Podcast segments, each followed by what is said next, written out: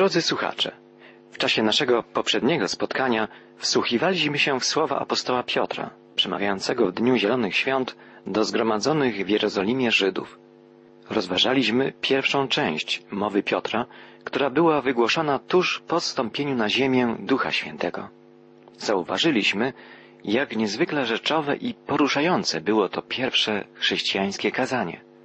Apostoł przedstawił w nim fakty, których świadkami byli słuchacze, oraz słowa pisma, które rzucały światło na te fakty. W ten sposób Piotr wytłumaczył zaintrygowanym słuchaczom, że to, co widzą i słyszą, jest wypełnieniem się proroctw Starego Testamentu, ich urzeczywistnieniem w teraźniejszości. Apostoł zacytował proroctwo Joela. Tłumaczył, że właśnie teraz zebrani stali się świadkami i uczestnikami zesłania przez Pana Ducha Świętego, co Joel zapowiadał w swoich proroctwach. Piotr następnie całą uwagę słuchaczy nakierował na Jezusa, na tego, który tak niedawno został ukrzyżowany i złożony do grobu. Od 22 wiersza drugiego rozdziału dziejów apostolskich czytamy. Posłuchajcie, Izraelici, co wam teraz powiem. Dobrze wiecie, że Jezus z Nazaretu był tym człowiekiem, którego Bóg do was posłał. I na dowód tego wyposażył w niezwykłą moc dokonywania cudów. Bóg z góry przewidział i postanowił, że On będzie wydany, a wy zabiliście Go na krzyżu rękami bezbożnych ludzi. Bóg jednak zdjął z niego więzy śmierci i przywrócił mu życie, bo jest nie do pomyślenia, by śmierć mogła zwyciężyć. Piotr mówi o tym, co najistotniejsze. Jezus nie pozostał w grobie. Powstał z martwych. Wielu Żydów, przybyłych na święto do Jerozolimy z różnych stron świata, usłyszało z pewnością tę wieść po raz pierwszy.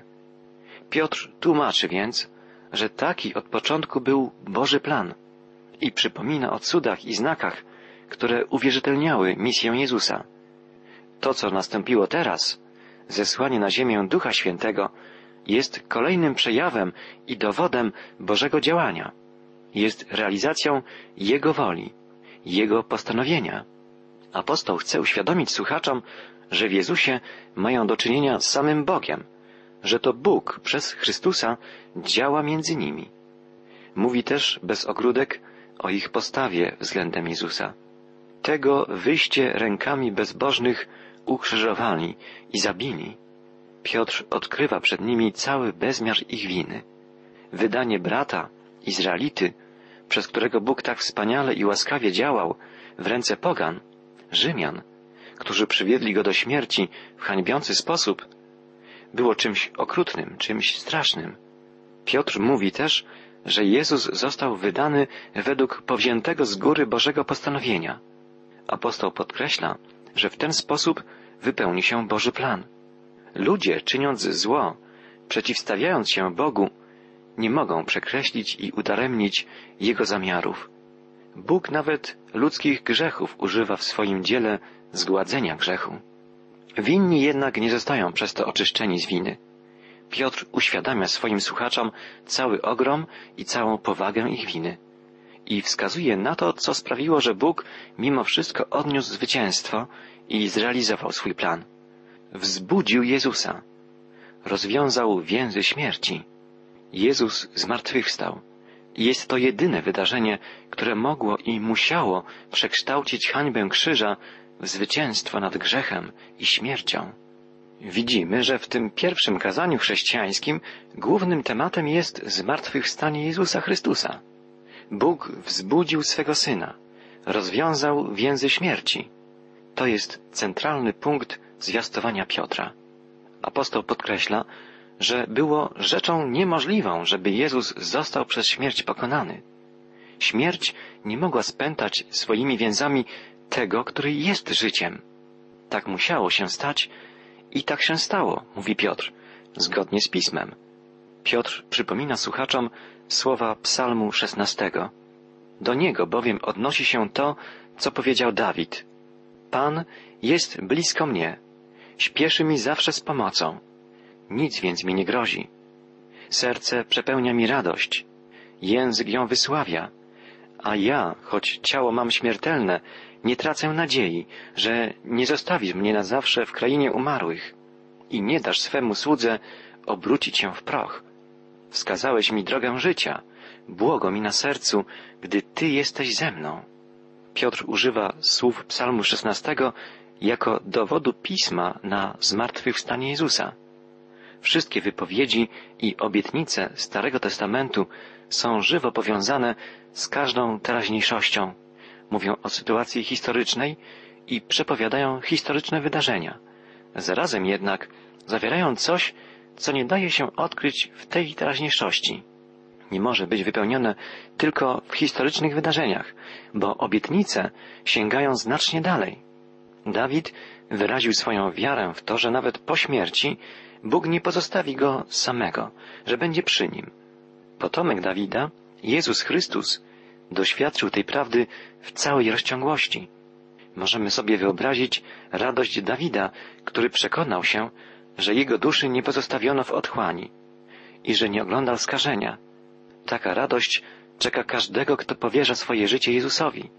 Bóg napełni życie każdego człowieka, który przyjął Jezusa jako Pana i Zbawiciela błogością swojej obecności. Pomyślmy, jak wspaniałe to będzie uczucie, gdy przekonamy się, że po śmierci nie czeka na nas mroczna otchłań nicości, ale błoga światłość Bożej obecności. Piotr przemawia dalej. Bracia, trzeba sobie jasno powiedzieć, że nasz praojciec Dawid umarł i został pochowany, a jego grób znajduje się u nas po dzień dzisiejszy. Ponieważ jednak był prorokiem, znał uroczystą obietnicę Boga, że jeden z jego potomków zasiądzie na tronie Dawidowym. W proroczej wizji zapowiedział więc zmartwychwstanie Chrystusa. Nie pozostał w krainie umarłych, a jego ciało nie obróciło się w proch. My jesteśmy świadkami, że tego właśnie Jezusa Bóg przywrócił do życia i mocą swoją wywyższył go. Jezus, zgodnie z obietnicą Ojca, zesłał Ducha Świętego, co sami teraz widzicie i słyszycie.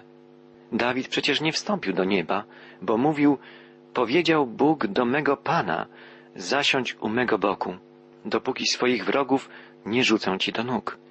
Niech więc cały naród izraelski dowie się z całą pewnością, że tego Jezusa, którego ukrzyżowaliście, Bóg uczynił Panem i Mesjaszem. Apostoł stwierdza, że wspaniałe słowa psalmu nie wypełniły się jeszcze do końca wypadku Dawida, gdyż on umarł i został pogrzebany, a jego grób znajduje się pomiędzy nimi, we wiadomym miejscu. Każde dziecko w Jerozolimie znało ten grób. Obietnica ta wypełni się w życiu Dawida przy powtórnym przyjściu Pana Jezusa. Ale słowa Dawida były przede wszystkim proroczą zapowiedzią tego, co stanie się z jego cielesnym potomkiem. Bóg obiecał mu, że jego wybrany potomek, prawdziwy Mesjasz i król, zasiądzie na jego tronie i to na wieki. Tym namaszczonym potomkiem Dawida jest Jezus. Z nim bowiem stało się rzeczywiście to, o czym mówił Dawid. Jezus wzbudzony został przez Boga trzeciego dnia, zanim rozpoczęło się skażenie. I my jesteśmy tego świadkami, mówi słuchaczom Piotr. Wzbudzenie Jezusa nie jest wydarzeniem jednostkowym, jednorazowym cudem, który nie pociąga za sobą żadnych następstw. Nie.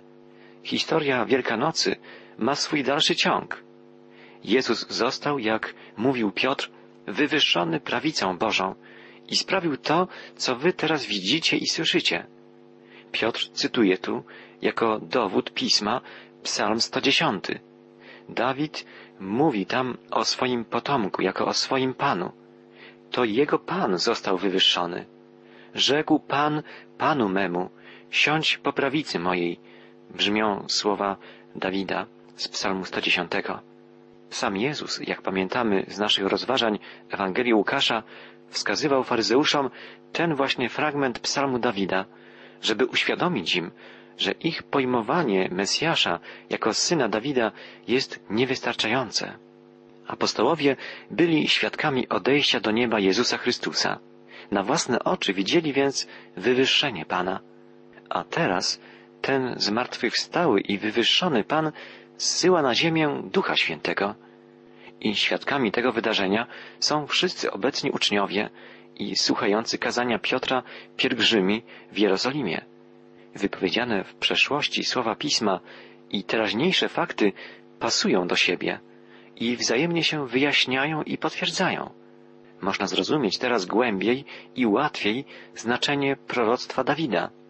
I można łatwiej rozpoznać, jakie znaczenie, jaki sens mają wydarzenia, których uczestniczą zdumieni słuchacze. Możemy sobie wyobrazić, jak poruszeni i wstrząśnięci byli licznie zgromadzeni Żydzi słuchający kazania Piotra. Dla nich pismo było niepodważalnym autorytetem. A tutaj widzieli na własne oczy, że słowa pisma wypełniają się właśnie teraz. Piotr przedstawiał im właściwie tylko słowa pisma i wskazywał na świadectwo faktów. Na koniec wyciągnął ostateczny wniosek. Niechże tedy wie z pewnością cały dom Izraela, że i Panem, i Chrystusem uczynił go Bóg, tego Jezusa, którego wy ukrzyżowaliście. Każde słowo w tym zdaniu musiało wstrząsnąć słuchaczami. Każde słowo w tym zdaniu jest doniosłe i potężne. Chodzi bowiem o całkowitą pewność, nie o przypuszczenia czy fantazję. Nikt nie może już odrzucić tej pewności. Ani arcykapłani, ani faryzeusze, ani nikt ze słuchaczy. Nie tylko pojedynczy ludzie, ale cały dom Izraela, cały naród zostaje wezwany, żeby tę pewność uznał. Pewność ta to niezaprzeczalny fakt zmartwychwstania i wywyższenia Jezusa Chrystusa. Bóg dokonał decydującego dzieła, dzieła o ostatecznym znaczeniu. Trwające od stuleci czekanie na Mesjasza skończyło się. Bóg wypełnił swoją obietnicę, tu i teraz. Mesjasz już jest. Z chwilą zesłania Ducha Świętego rozpoczął się czas ostateczny. Panem i Chrystusem uczynił Bóg Jezusa, którego ukrzyżowaliście. Tym zdaniem Piotr zakończył swoje kazanie. Postawił swoich słuchaczy wobec całego bezmiaru potworności ich winy. Koniec z bezradnymi pytaniami, cóż to może znaczyć? Koniec z szyderstwami. Bóg wiernie i wspaniale wypełnił swoją obietnicę. Mesjasz został posłany w ziemską rzeczywistość i uwierzytelniony znakami i cudami, wywyższeniem na prawicę Boga Ojca i zesłaniem Ducha Świętego. Myśmy jednak odrzucili i zamordowali Chrystusa. Myśmy spoliczkowali Boga, unieważnili całą długą historię przymierza. Co teraz będzie? Drogi przyjacielu, nie jest to pytanie postawione jedynie bezpośrednim słuchaczom Piotra. My wszyscy jesteśmy winni śmierci Jezusa. Nasz Pan musiał złożyć swoje życie w ofierze za grzechy nas wszystkich, również za mój i Twój grzech. Jezus powiedział, Dlatego Ojciec miłuje mnie, iż ja kładę życie swoje, aby je znowu wziąć. Nikt mi go nie odbiera, ale ja kładę je z własnej woli. Mam moc dać je i mam moc znowu je odzyskać.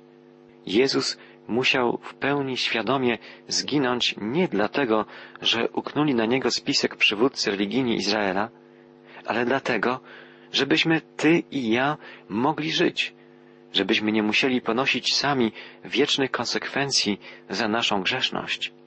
Tylko w Chrystusie możemy być zbawieni. On złożył swoje życie w ofierze za nas. On powstał z martwych i żyje po prawicy Ojca żebyśmy i my mogli powstać po swojej śmierci i żyć wraz z Nim w wieczności. Czy odrzucimy tak wielki dar, tak wspaniałe zbawienie? Ludzie, głęboko poruszeni tym, co usłyszeli, czytamy dalej, zapytali Piotra i innych apostołów, bracia, co mamy teraz zrobić? Piotr odpowiedział im, nawróćcie się i dajcie się wszyscy ochrzcić w imię Jezusa Chrystusa a Bóg odpuści wam grzechy i wtedy otrzymacie dar Ducha Świętego. Bóg, nasz Pan, dał bowiem tę obietnicę wam, waszym dzieciom i wszystkim, którzy są jeszcze z dala, a których weźmie On do siebie. Przekonywał ich jeszcze wielu innymi słowami, po czym wezwał ratujcie się przed zagładą, która grozi temu przewrotnemu pokoleniu. Ci więc, którzy posłuchali jego słów, zostali ochrzczeni. Wtedy to zostało pozyskanych około trzech tysięcy osób. Kazanie Piotra, pierwsze kazanie chrześcijańskie, było niezwykłe.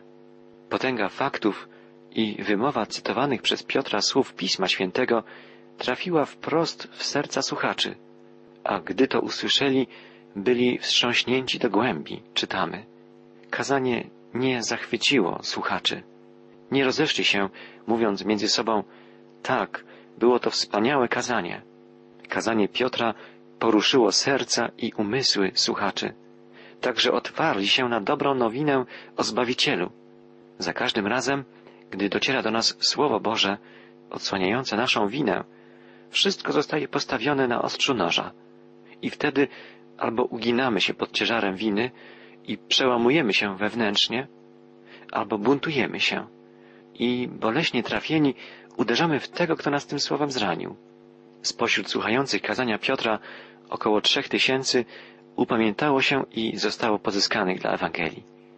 Wielu innych, jak dowiemy się wkrótce, było oburzonych i chciało uwięzić, a nawet zabić uczniów Jezusa.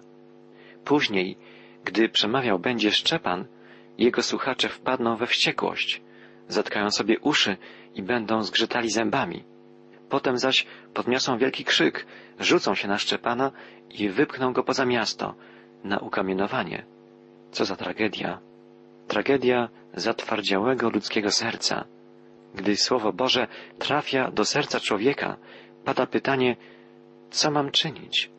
Jest to cudowna tajemnica, dar Bożej łaski, ale też i wynik otwartości i szczerości człowieka, gdy jego serce zostaje przekonane, że potrzebuje przemiany, wybawienia, że potrzebuje Zbawiciela. Tak stało się w Dniu Zielonych Świąt. Piotr nie żądał od swoich słuchaczy żadnego działania.